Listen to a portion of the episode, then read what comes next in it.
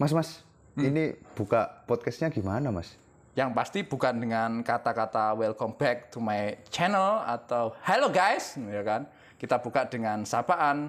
Selamat datang di Meriam Lontong.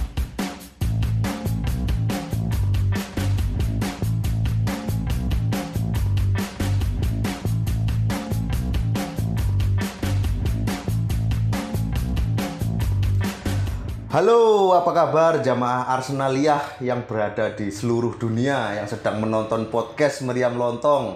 Masih bersama saya Rizal Adi Pratama dan Mas Yoni Pradawardayana. Anda itu selalu kesulitan menyebut nama saya. Ya. Izinkan saya menyapa para jemaah Arsenalia dengan kata ura, ura, ura. ini, ini langsung itu Mas ya. Kita tahu akan membahas apa ya hari ini. Uh, semua orang sudah tahu situasi di dunia sekarang sekarang sedang fokus pada pembahasan apa ya Uh, Dan- pembahasan tentang tank Ya. AK-47 dan juga para pengungsi Nah, mungkin karena ini tentang meriam lontong, Mas Yo, kita eh, membahas soal perang dan sepak bola di Eropa ini terutama Liga Inggris, Mas ya. Karena eh, ternyata eh, sepak bola ini dan Rusia ini kan juga berhubungan, Mas. Ada ada misalnya Chelsea dengan pemiliknya Abramovich kan sek- sekarang bermasalah. Mm-mm. Eh, yang sepertinya akan jatuh nih Sultan satu ini. Iya, gimana gimana gimana Eh, kabar terakhir kan Mas. Kita Ya. kita awak kita mulai dengan kabar bahagia. hmm.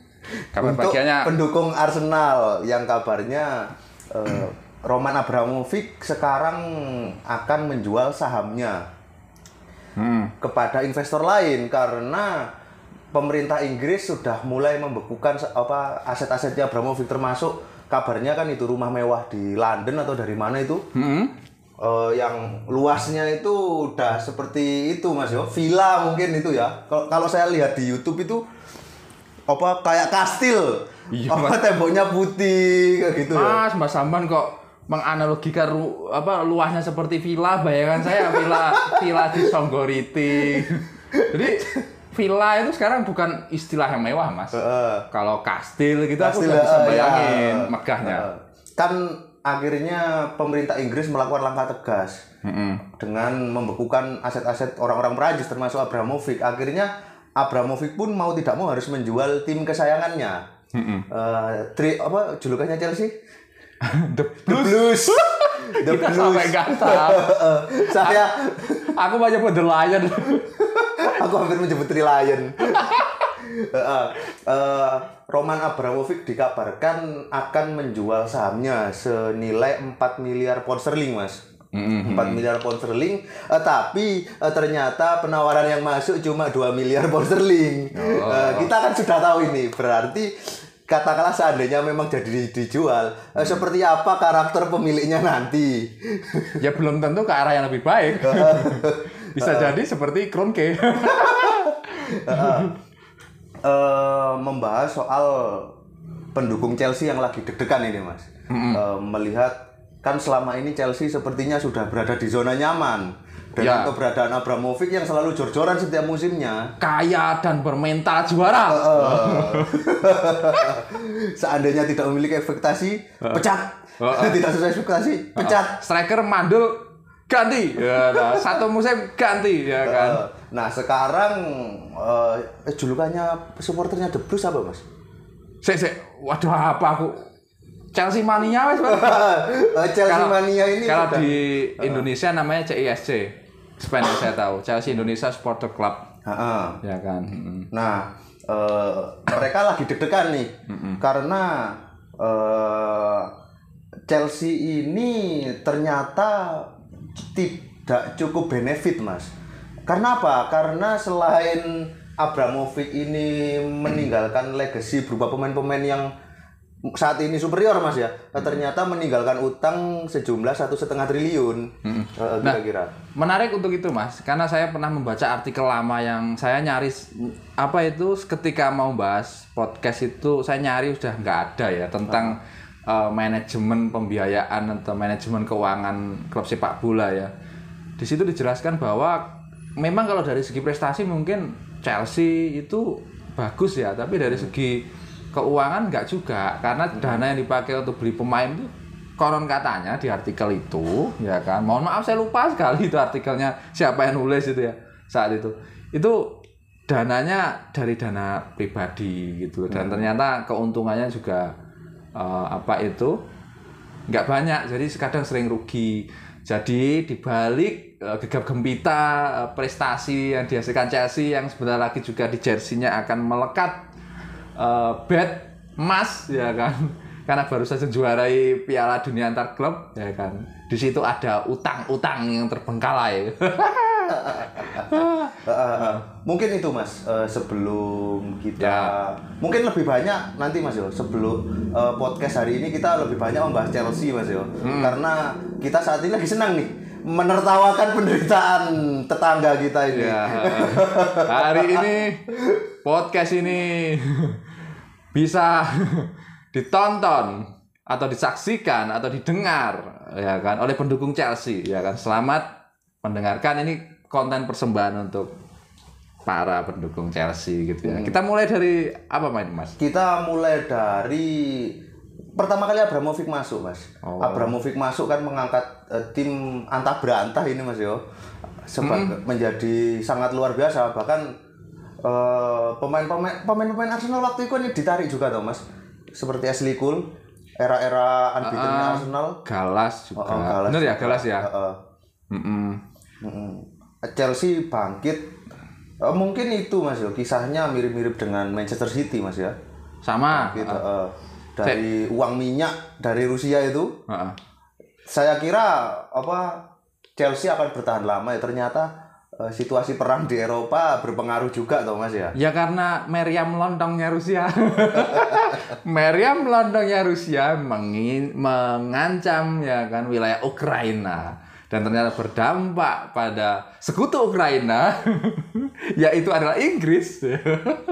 Tempat di mana seorang pengusaha Rusia menanam saham ya kan. Sehingga sebagai bentuk sanksi ekonomi dibekukanlah aset dari si pengusaha itu dan ini kejadian yang sudah sering eh, terjadi sih dulu di zaman perang dunia II ya seperti itu sih pembekuan aset Yahudi. Ya kan pembekuan aset orang Jerman seperti itu sih. Tapi Nah, eh, tapi kita- menurut sampean mas eh, sebelum itu fair nggak sih mas? Apa? Eh, sebuah konflik politik kan itu, itu ini hitungannya politik kan mas ya? politik pada akhirnya kan meng- Eropa kan membawa semangat sepak bola tidak boleh dikaitkan dengan politik ya, Ya, ha, ha. ternyata ujung-ujungnya ya seperti ini kita ini ini eh, pendukung Chelsea jangan apa sensitif dulu ya dengan kita ya. Tetap kita punya simpati loh mas. Ya. artinya artinya kita bersimpati kok bisa katanya semangat sportivitas tanpa politik di sepak bola Eropa ternyata politik pun mempengaruhi sepak bola. Apa sih hubungannya perang dan sepak bola kan harusnya tidak berpengaruh. Mm-mm. harusnya di luar di luar Abramovich sebagai orang Rusia. Kan dia tidak bisa memilih kan dia orang Rusia. Nggak mungkin bisa. mungkin seandainya dia tahu akan perang dia memilih mungkin saya mending pakai sorban saja jadi orang Arab kan. Lebih aman. Wah rasis nih. Waduh waduh waduh, waduh. wah ini konten agama.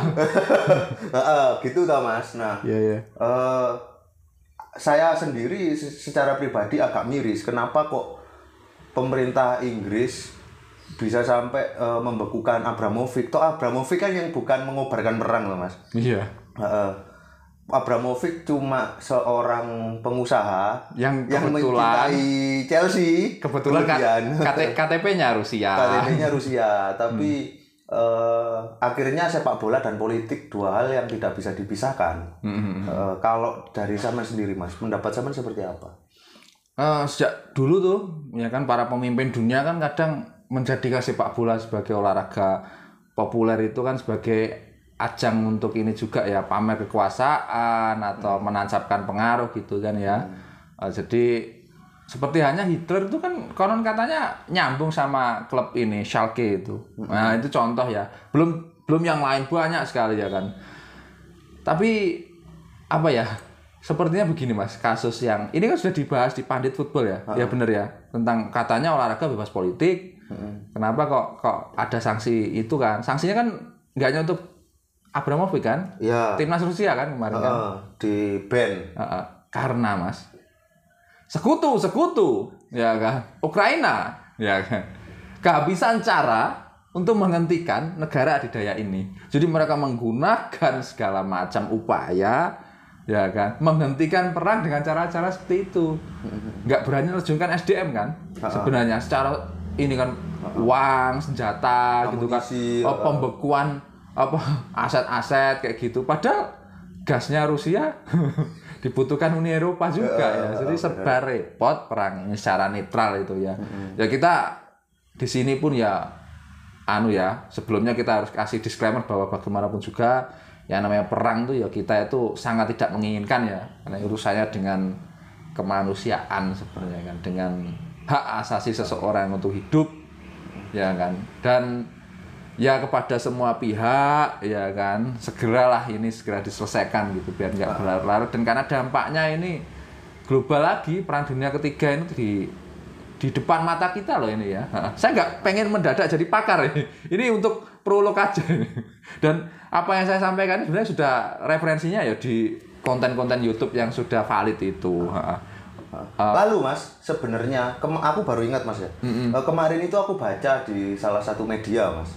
Ternyata politik dan sepak bola ini eh, sudah dari dulu itu kayaknya sudah lekat mas ya dua hal yang tidak bisa dipisahkan. Dan ini berhubungan dengan klub favorit kita Arsenal. Mm-mm. Lah Arsenal kan pernah punya satu pemain asal Rusia yang membuat saya jatuh cinta kepada Arsenal. Yaitu Andre Arshavin. Lah saya baca di salah satu media ternyata transfer Arsenal ke Arshavin itu ada sangkut apa ada eh, istilahnya apa mas ya ada Keterkaitan. keterkaitan dengan Vladimir Putin. kok bisa Jadi gini mas, eh, ketika timnas Rusia eh, naik daun dengan Andrei Arshavin waktu Euro, Hmm. berarti 2008 tuh Euro 2000 berapa itu mas? mungkin bisa 2000, jadi heeh. ada Euro ya 2008 ya Dua, dulu 2004 berarti eh, Nggak, mungkin eh 2004 8 ya kan 4 tahun sekali tuh mas. oh iya ah, ah. 2008 atau berapa aku lupa mas, mungkin bisa dikoreksi di komentar. 2000-an mungkin ya mungkin bisa dikoreksi oleh teman-teman karena kadang kita juga nggak sempat mengecek angka tahun ini Kan Andrei Arshavin dari klub antah berantah Rusia yang namanya Zenit. Arsenal itu waktu itu sudah deal dengan harga 4 miliar euro. Mm-mm. Tapi Putin itu nggak mau. Apa istilahnya itu loh pemain ini kok dijual murah banget. Mm-mm. Kok ini harusnya dinaikkan dong biar lebih mungkin ke arah gengsi Mas ya, gengsi. Pemainnya dibayar murah kayak gitu ya, dibeli murah. Akhirnya eh, Arsenal mau tidak mau waktu itu harus membayar 15 miliar euro kalau nggak salah. 15 miliar Waktu itu jadi rekor memecahkan rekor transfer Arsenal kan Mas waktu itu. Andre Arshavin. dan itu menggegerkan Rusia kayaknya saat itu loh ya artinya dengan Heeh. Dengan maksudnya prestasi sepak bola atau pamor timnas Rusia saat itu ya Saat itu kan masih kayaknya lebih terkenal militernya ya Rusia. Sepak bolanya belum seberapa kan waktu itu. bukan militernya yang terkenal di Rusia tuh apa ayo KGB. ideologinya Oh ideologinya. Heeh. akhirnya akhirnya mereka tiba-tiba bisa bicara banyak di Euro dan pemain-pemainnya laris manis di liga-liga top Eropa. Ah, berarti- termasuk Andre Arshavin. kita bisa nyimpulkan hal sederhana bahwa Putin dan Arsenal itu pernah menjalin hubungan jadi Saya aku bayangkan Mas yo eh, si Arsene Wenger ini ngobrol sama Putin. Ura! Berarti gini mas, Heeh. ini kalau jejak digital ini masih ada nih, Arsenal ini nanti dianggap antek Rusia. Lah makanya. Nanti terus kita ngomong imajinasi aja ya. Makanya itu Mas, wasit-wasit Liga Inggris sangat tidak menganaktirikan Arsenal. Ya karena kita antek Rusia. ini dampaknya bisa ke kita ini. Lah makanya itu. Klub kita dibekukan. karena pernah memakai pemain Rusia dan pernah menjalin komunikasi dengan Putin. Heeh. Waduh, ini Jadi harus kepada klub-klub yang masih eh, punya eh, pemain Rusia, ya kan, yang masih punya jejak digital, pernah membeli eh, pemain Rusia, segera ditindaklanjuti segera diluruskan, klarifikasi Mas ya. daripada nanti dibekukan, ya kan. Heeh. Na- NATO ini cuma bisa bekukan aja ini, nggak bisa ngirim manusia ya, takut. Kok bahasanya dari politik gitu ya, Kak? Lah ya, heeh. dari pakar gitu. Heeh. Ayo, Tapi Abraham. itu sih Mas, eh, saat ini pemain-pemain Rusia kan belum ada yang bersinar lagi tuh Mas ya. Yo, saat setelah Piala Dunia di 2018, Piala Dunia di Rusia itu kan ada beberapa pemain yang direkrut, tapi ternyata ya nggak moncer-moncer amat. Dan sebagai orang Rusia yang di Chelsea pun ternyata ada pemain Chelsea yang eh, apa itu, entah itu Chelsea apa Ukraina ya saya nggak tahu, karena itu tetap namanya off off itu loh. Iya. Saya kan semalam ini, ya kan, ini nyambung ya dengan pembahasan kita, dan memang harus diselesaikan secara runtut ya biar enak. Pemain yang terlupakan di Chelsea itu nyambung dengan gaya hidupnya Abramovich ya. Salah satunya namanya Yuri Zirkov. Gitu. Dia pun terlupakan di Chelsea, jadi bukan berarti sebenarnya eh, apa itu orang Rusia terus bisa sukses di Chelsea gitu aja enggak. Berarti semangat anti nepotismenya apa Abramovich itu bagus. Heeh, nah, benar. Mas kita harus kembali dulu biar nanti nggak membingungkan orang Heeh. eh, tentang persiapan apa ya masa-masa awal ketika Abramovich mengakuisisi itu kan saya masih ingat gini sebagai pecinta klub eh, apa ya sepak bola sejak tahun 90-an itu pemain Chelsea yang saya ingat itu dua eh tiga yaitu adalah Zola yang kedua adalah eh, Didier Deschamps. Itu yang mantan pelatih timnas Prancis itu ya? Ha-ha, Benar ya? ha-ha. yang ketiga adalah back dari itu Desailly. Yang julukannya Karang Pemain-pemain itu Mas yo. itu pemain Prancis yang De- Deschamps itu Prancis habis dari Juventus ya kan? Itu Mas yo, referensi sama sangat tua sekali ya. Loh, aku mau menunjukkan ke fans-fans Chelsea yang awal-awal ini tentang pengetahuan. Barangkali Anda-Anda ini baru fans Chelsea kan sejak zaman ini. Abramovich. Ya, kita balik mundur saat logonya eh, apa itu Chelsea masih singanya singa seperti intinya singanya nggak ganas lah kayak gitu. Jadi sampai belum tahu ya. Belum, belum, belum. Zola belum juga. Belum, belum. Zola itu sempat kemarin ditarik Conte jadi asisten juga. Jadi eh, masanya ini kurang lebih hampir sama sih ya, tahun 90-an dan prestasi terbesar Chelsea seingatku itu Piala Winners kalau tidak salah ya. Mohon maaf dilu- kalau memang salah silakan diluruskan. Kurang lebih kayaknya itu Winners itu ya. Eh, Piala kalau sekarang tuh Piala kelas ketiga itu kan itu loh. Conference Liga ya kalau iya. nggak salah ya. Mungkin mungkin seperti itu tahun 2005 itu mulai kapan ya mulai eh, ini ya perubahan kepemilikan tahun berapa sih tepatnya kalau tahun mungkin 2002 enggak sih, Mas?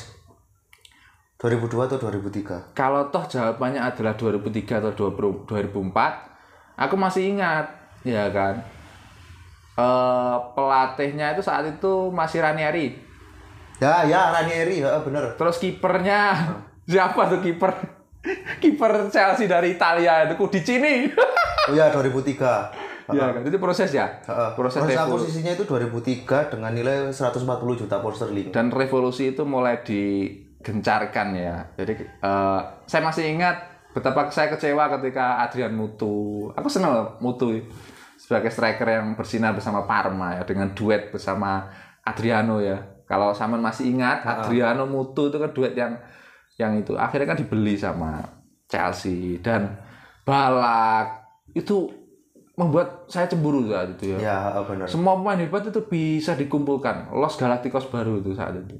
Nah, gambaran sampean gimana? Itu kan 2005 loh. Saya nggak tahu. Sampean dulu gimana?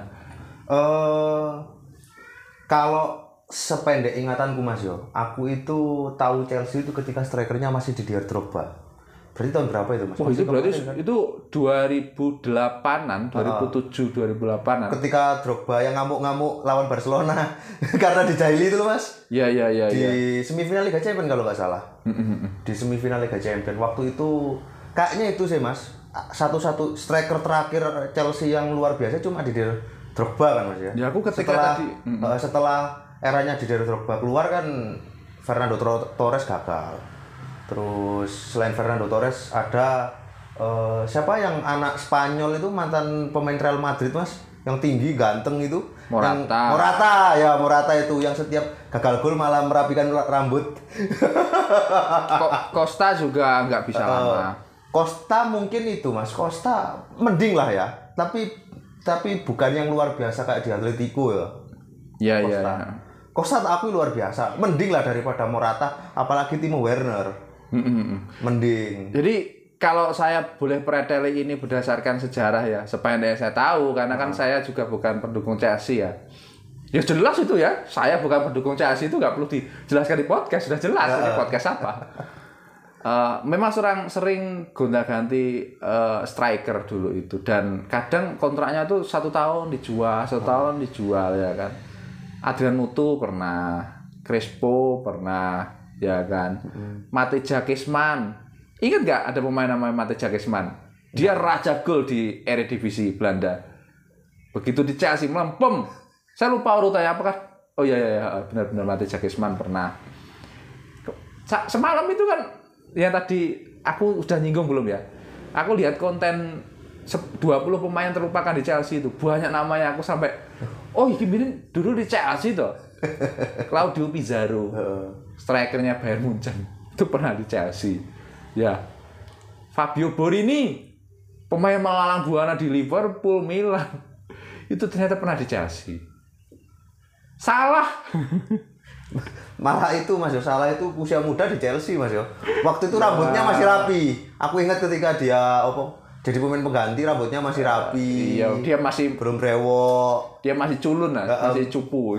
Nah, jadi Chelsea saat itu benar-benar mendobrak kemapanan klub-klub besar yang pakai tradisi ya, bukan pakai duit ya kan. Ya kan. Dulu MU, ya Arsenal, Liverpool, ya kan. Itu kan Mas ya. Iya, heeh. Kemudian muncul Chelsea. Waduh, ngeri Mas. Eh, Ranieri kan nggak bertahan lama, Heeh. kan langsung semusim kalau nggak salah dipecat. Kemudian saat itu memang keterkaitan Chelsea dan Italia itu memang lumayan ya. Dari dulu tuh tradisinya ya, mulai dari Zola, Ranieri, Cudicini, Conte. ya kan. Sekarang Bahkan bahkan pernah loh ano Chelsea itu beli kipernya Chievo Verona sebagai cadangan. Di tahun-tahun itu, tahun-tahun ketika masa-masa awalnya Abramovich. eh, Abramovich gitu. Nah, mulai di Mourinho ya. Jadi Ah. Mourinho juara bersama Porto. Champion setelah itu, waduh ngeri. Apalagi beli Drogba ya. Heeh. Aduh, semakin ngeri itu. Chelsea, apa Arsenal sudah Arsenal waktu itu pemainnya masih iku Mas Yo, masih baby face semua ya kayak Iya. Fabregas, Jack Wilshere, Nasri. Ah, Kayaknya pemain Arsenal waktu itu ketika kita nonton Arsenal kok eh pendek-pendek ya Mas, kok bocil-bocil. Tapi tarik dok agak mundur. Eh, generasi Henry itu masih sempat kan bersinggungan dengan Chelsea itu. Dan itu sudah sudah ini Invisible-nya mulai retak Mas ya. wes mulai ah, ah, jadi kelihatan banget kalau Chelsea ini oh, sudah kuat. Jadi sudah bisa nanding Arsenal dan beberapa kali kayaknya mencuri mencuri Poin. kemenangan dari ah, ah.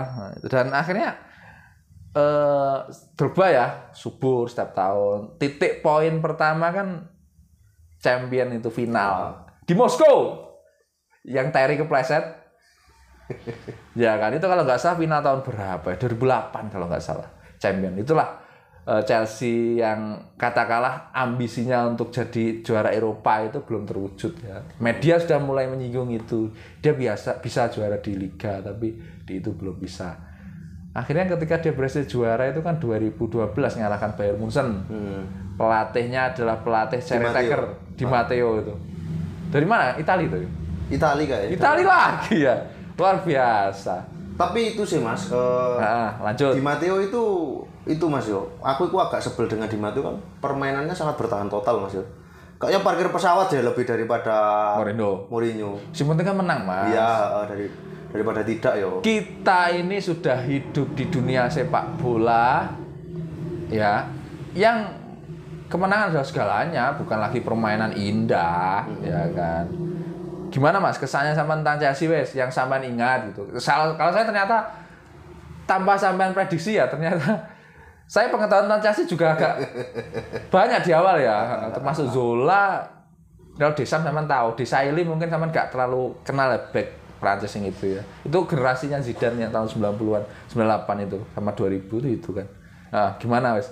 Kesannya sama Chelsea ketika di Abramovich nih Aku itu melihat Chelsea Mas. Chelsea itu ketika era-era aku 2008 kan Chelsea udah naik toh Mas. Chelsea udah naik tapi kayaknya ketika aku SMP fans Chelsea itu nggak ada sih waktu itu. Belum Jadi- ada? Jadi kesanku itu ya wis nggak nggak nggak terlalu dalam kok sampean ya mungkin ya. Eh, aku hanya melihat Chelsea itu salah satu pesaing di London sing paling berat ya waktu itu ya. Cuma apa eh derby London sing paling berat waktu itu kan cuma Arsenal lawan Chelsea ya.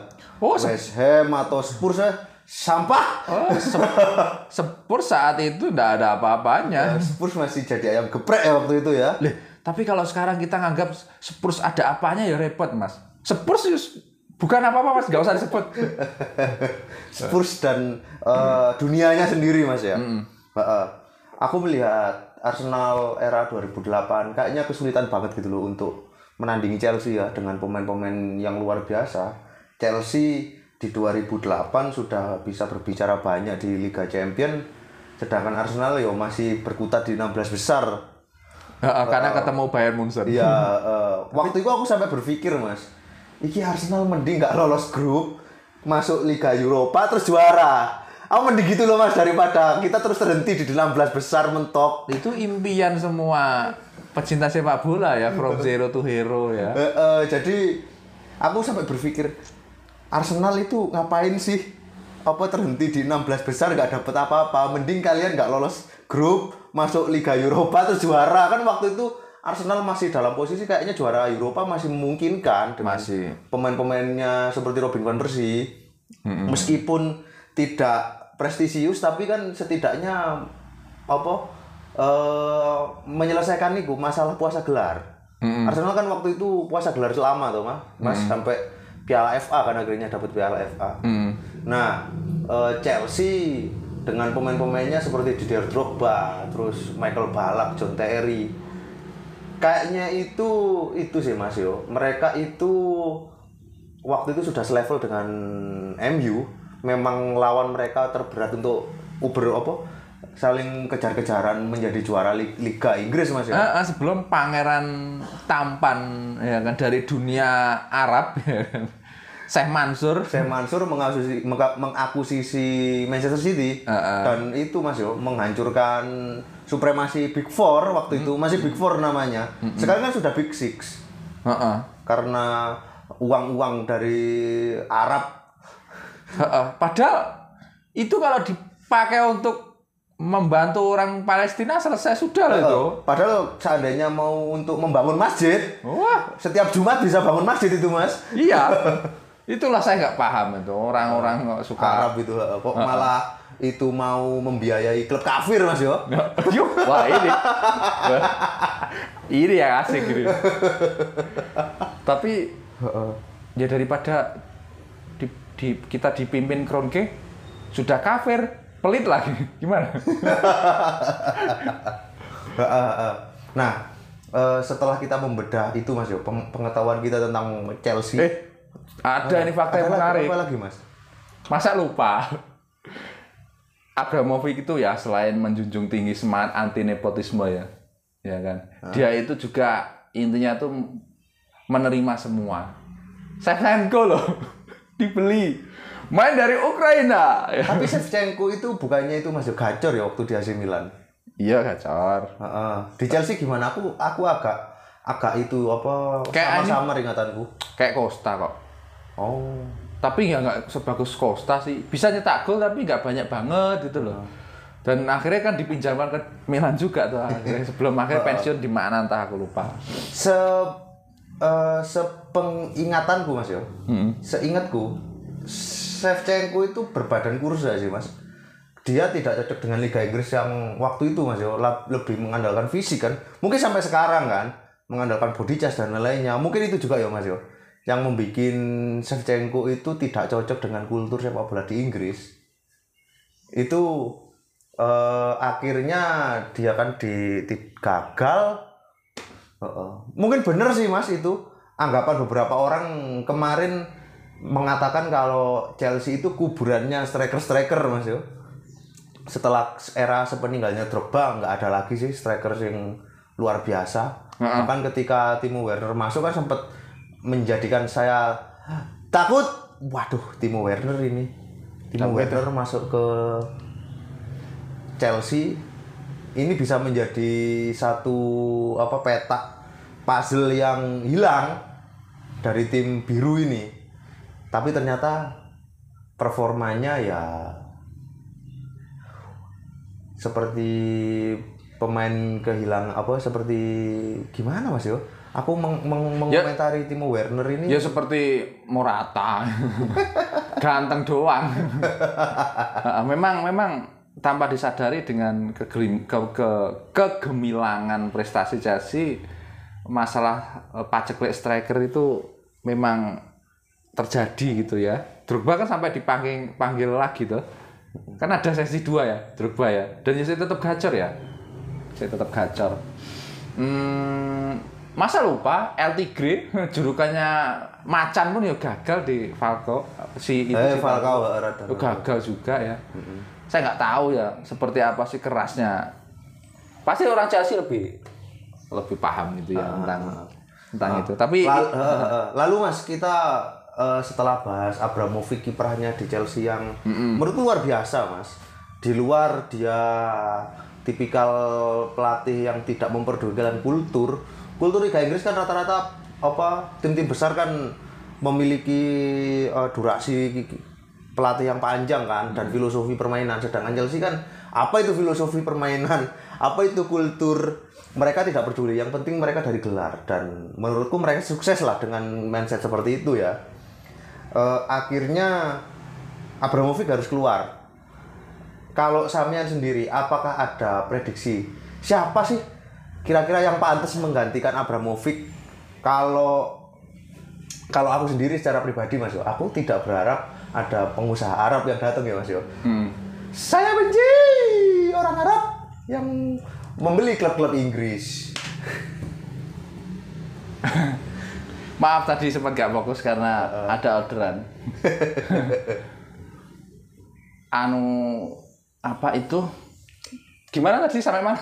Heeh. Ma, anu ya pemilik sama nggak berharap jangan sampai ada pemilik Arab lagi gitu ya. Harapanku sih Amerika. Hmm, kalau saya sih eh, ada harapan supaya ada nuansa Arab, Mas. Karena ini hubungan dengan dakwah, Mas. Kita harus kembalikan kejayaan agama kita, Mas, ke Eropa, Mas. Wuh, Andalusia. Salah sudah memulai. Mane sudah memulai. El Neni yang malah mengganjal. Dia nggak bisa jadi duta yang bagus bagi pemain musim. Ini bercanda. Bercanda teman-teman. Saya jadi ingat teman saya yang hobinya itu mengumpulkan di PES-nya itu ya. Dia kan suka main PES itu ya. main- Heeh. Dia hobinya di Master League itu mengumpulkan pemain-pemain muslim dalam satu klub. ya ampun. Ya enak ya orang punya hobi ya. ya kayaknya seru juga kalau yang yang apa itu? Yang nanti yang dapat Chelsea itu orang Amerika. Bus Rusia Amerika. Loh, luar biasa itu. Aku s- heeh, heeh. Siapa orang kaya yang kira-kira cocok? Kalau aku sih pengennya Atta aja. Hatta Halilintar. Iya. Aku sih harapnya nih Kurafi Ahmad sih. Tapi kalau itu kan mungkin yang nggak logis ya. Yang logis ada Erick Thohir. Erick Thohir ini saya rasa finansialnya mampu lah. Berarti biar disuplai sama eh, siapa itu putra mahkota Mas Kaisang. Aku itu sih mas eh, melihat beberapa tweet dari teman-teman pendukungnya Chelsea. Eh, mereka masih eh, di tengah guncangan, di tengah guncangan mental yang menghadapi mereka saat ini kan Chelsea bersama fansnya kan saat ini krisis tau mas ya, krisis kepercayaan diri ketika akhirnya Abramovich keluar dari Chelsea. Apakah mereka akan menemukan pemilik klub yang memiliki passion sama seperti Abramovich?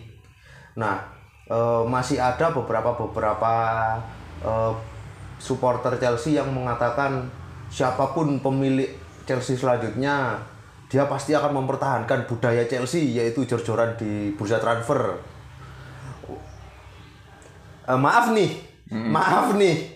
Arsenal sebelum dimiliki Kroenke itu invisible loh. invisible loh, nggak pernah kalah satu musim. Iya. Eh, Setelah dibeli eh Mr. Kroenke, Mr. Kroenke dan keluarganya. Anda lihat nasibnya Arsenal gimana sekarang. Bukan berarti pemilik baru itu lebih loyal. Heeh. Bisa jadi pemilik baru itu lebih menjerumuskan. Eh, Arsenal itu nggak pernah absen loh Liga Champion. Eh, tapi begini aja, Ketika- kita tawarkan Kronke ke Ya. Chelsea. Silahkan kalau ingin memakai jasa Kronke, ya kan? Karena terbukti dengan kehadiran Kronke, minimal manajemen keuangannya bagus. Ya Minimal itu Arsenal dapat stadion terbaik se-Inggris, Liga Inggris. kan? Iya toh? Heeh. Kok bisa? L- apa eh, Emirates Stadium itu stadion termegah Mas di Inggris. Termegah. Makanya, heeh, Indikator termegah itu apa berarti? Yo dari infrastruktur. Ada penilaiannya itu. Ada penilaiannya. Seingatku itu stadion termegah. Makanya kan harga tiketnya paling mahal. Oh. Itu setidaknya itu nilai plusnya. Cek, Mas, Saman tadi kan sebelum rekaman sempat menyinggung ini yang di Twitter pendukung MU kan Oh iya, eh, ini ini ini yang aku nggak suka mas. Ini eh, beberapa beberapa supporter-supporter rivalnya Chelsea terutama dari MU, Liverpool, mereka so simpati mas. Mereka so simpati. Sangat sedih melihat Chelsea saat ini. Saya berharap eh, pemilik Chelsea yang baru bisa tetap mempertahankan Chelsea yang bersaing dengan MU dan Liverpool Hmm. sedih melihat kayak gini gini gini gini. Anda jangan munafik anda hei anda mengetahui itu sambil ketawa-ketawa. Mampus mampus. Saya juga heran, ternyata kok ya ada orang supporter munafik ya kan?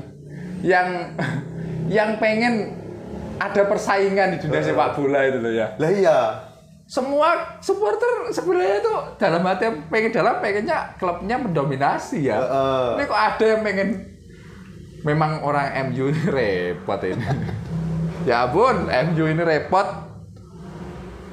Ya, selesaikan dulu masalah internalmu sebelum sok-sok mengomentari masalah Abramovich ya. Eh, karena di, di Arsenal kita sudah selesai masalah internal-internal. Kita kan Dengan- sudah positif thinking kan kok Iya. kepada pemain muda, terus pemain yang eh, apa itu tingkah lakunya nggak bagus meskipun dia mencerahkan seperti Gundosi sudah dibuang ya kan. Nggak punya masalah dengan pemain bintang nggak seperti MU. Selesaikan dulu lah urusan internalmu. Arsenal saat ini tinggal memperbaiki mas ya.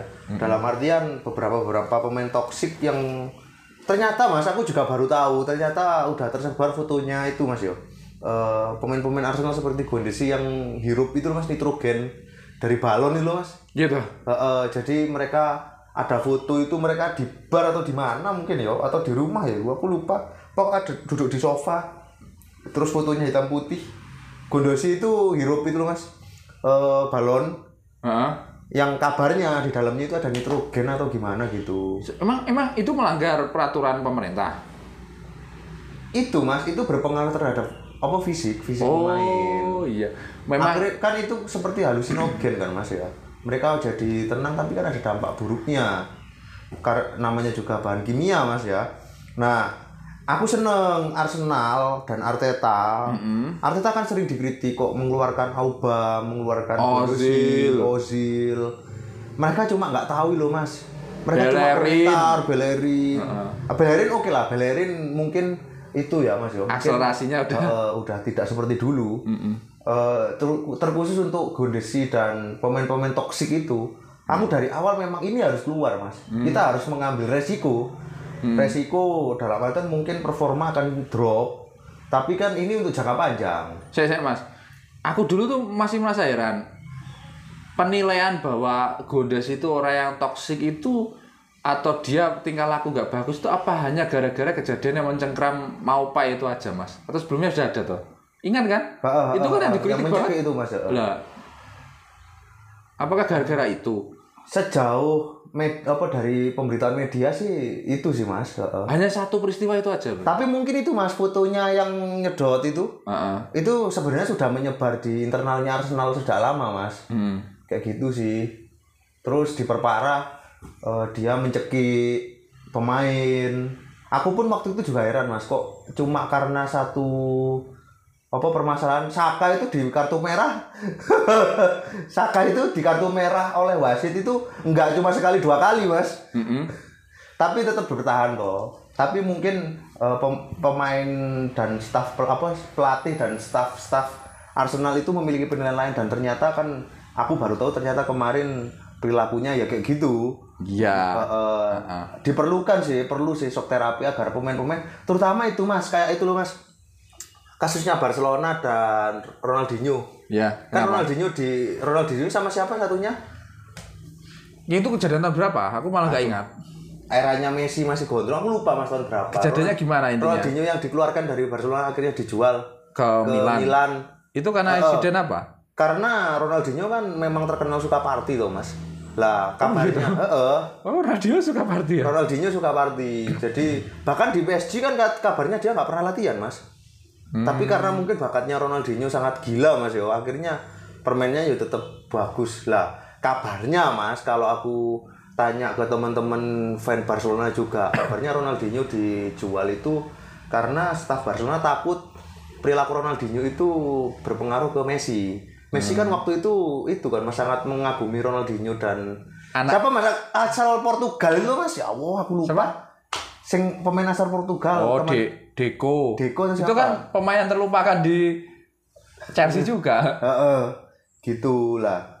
Alasan itu juga yang membuat Barcelona mengeluarkan Ronaldinho kan waktu itu dipertanyakan juga loh mas. Quaresma tuh pernah di Barcelona juga tuh. Ya, heeh. Loh, Itu pemain terlupakan di Chelsea juga. Itu Luar biasa sejarah sejarah Chelsea. Eh, saya rasa gini mas, kita ini kan tadi kita kembalikan dulu ke pembahasan Chelsea. Eh, menjadi supporter Chelsea berarti harus mengingat-ingat nama pemain yang hilir mudik setiap musim. Ya kan? Dan eh, ini mas jersey yang ada badge-nya of honor ini ya yang Ya. ada emasnya. Apa tuh istilahnya? Bener ya? Badge of honor atau Eh, Gak peduli aku mas. ya karena jangan gitu. Kita nanti biar gak kaget saat kita punya. Eh, kita masih sangat berharap dan akan selamanya berharap. Arsenal nanti bisa pakai eh, lencana badge emas itu ya sebagai simbol supremasi dunia Biar nggak hanya trofinya aja yang emas mas ya. Eh, nah, ini jersey Chelsea yang pakai bed ini kayaknya jadi jer- jersey yang paling mahal. Kenapa paling mahal? Karena kejadian langka dan tidak akan terulang lagi jika skenario ini tepat. Skenario bahwa Chelsea nanti akan memulai semuanya kembali Dari nol. nol. tanpa kehadiran sugar daddy. Ini yang disinggung di artikel dulu itu bahwa konsep eh, Abramovich itu seperti sugar, sugar daddy, Heeh. memberikan sesuatu ya kan, Heeh. Membuat itu apa pemain dan Ketagihan. pelatihnya itu ketagihan. Eh, seperti memberikan itu mas narkoba kan harga gitu. Ah, jadi sebenarnya sugar daddy-nya ini kepada supporter terutama ya. Heeh. Supporter nggak suka berapa sama bisa menghitung pelatihnya Chelsea itu. Heeh. Ya. Mau ternyata pernah juga kan dapat punya pelatih dari Israel juga kan ya, tanpa sadar ya. Si Avram Gantz ini luar biasa loh Chelsea itu. Banyak pelatihnya itu. Mm, mm, mm. Dari Belanda siapa? Gus Hiddink ya. Gus Hiding. Mm-mm. Setelah itu masih menggantikan Sari gua mas ya. Sementara, sementara juga dulu pernah kan dilatih Gus Hiding lama. Kan ketika Sari keluar kan sempat dilatih Kerteker Gus Hiding. Masa Gus Hiddink nggak langsung Lampard ya? Sempat Gus Hiding dulu apa? Oh, setelah Lampard lah Gus Hiding. Kemarin sempat itu Gus Hiding cuma berapa bulan. Pem- ini kita diketawain pendukung Chelsea nih. Nggak peduli sih mas aku. diketawain dalam hal gini kita menerka-nerka sesuatu yang kita nggak tahu Eh, di- tapi eh, ini harapan mas ini harapan apa mas harapan dari sampean dengan kejadian ya inilah perpolit situasi politik yang berimbas kepada Abramovich dan juga Eh, ini berarti sesi terakhir mas ya? iya sisi terakhir Dari sini aku berharap, apa aku berharap sih? Aku belajar mas ya. Mm-mm.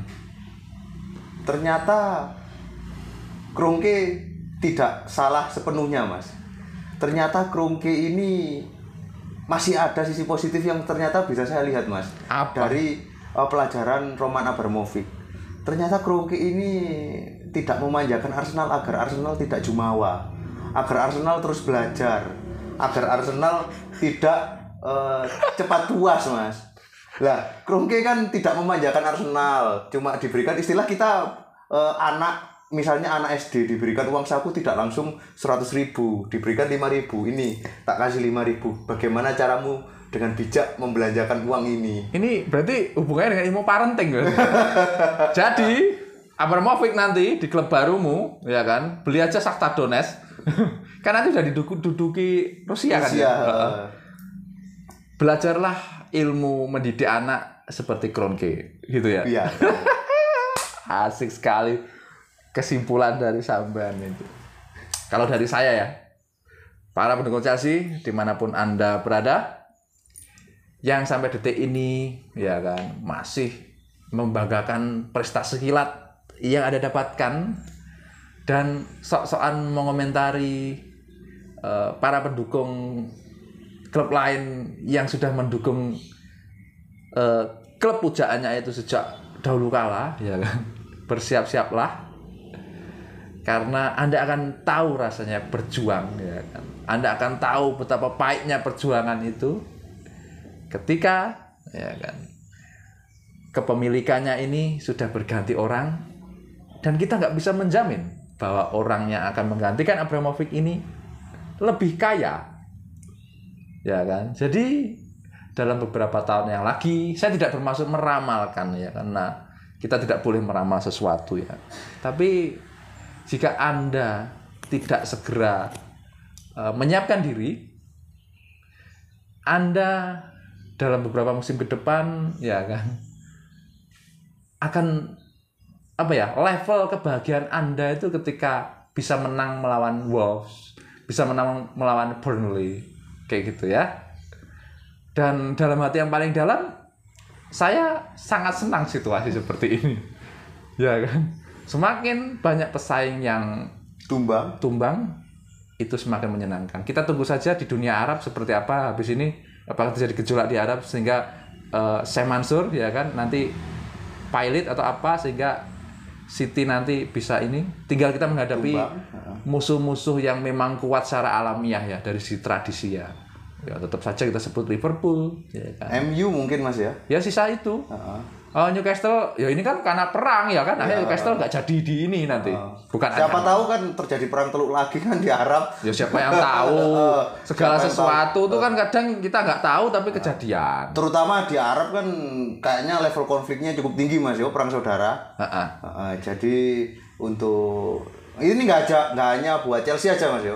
Untuk Manchester City, Mm-mm. untuk Newcastle mungkin di masa depan, Ya. PSG, Klub-klub yang kaya secara mendadak bersiap-siaplah karena situasi politik global semakin tidak menentu. Ura, ura, ura, ya kan? Sik, kita harus bikin penutup yang menggelegar. Kerekam nggak tadi yang ngomong Uh, ini masih kerekam ini Mas. Oh ya. Bahwa di konten inilah kita bisa ngomong hal-hal yang sifatnya visioner. Ya kan. Dan kita akan lihat, kita buktikan bersama-sama, ya kan. Seperti apakah Chelsea di masa depan, ya kan. Sampai jumpa lagi di konten Meriam Lontong. Sik, kok konten ya? Podcast ya? Lucu juga.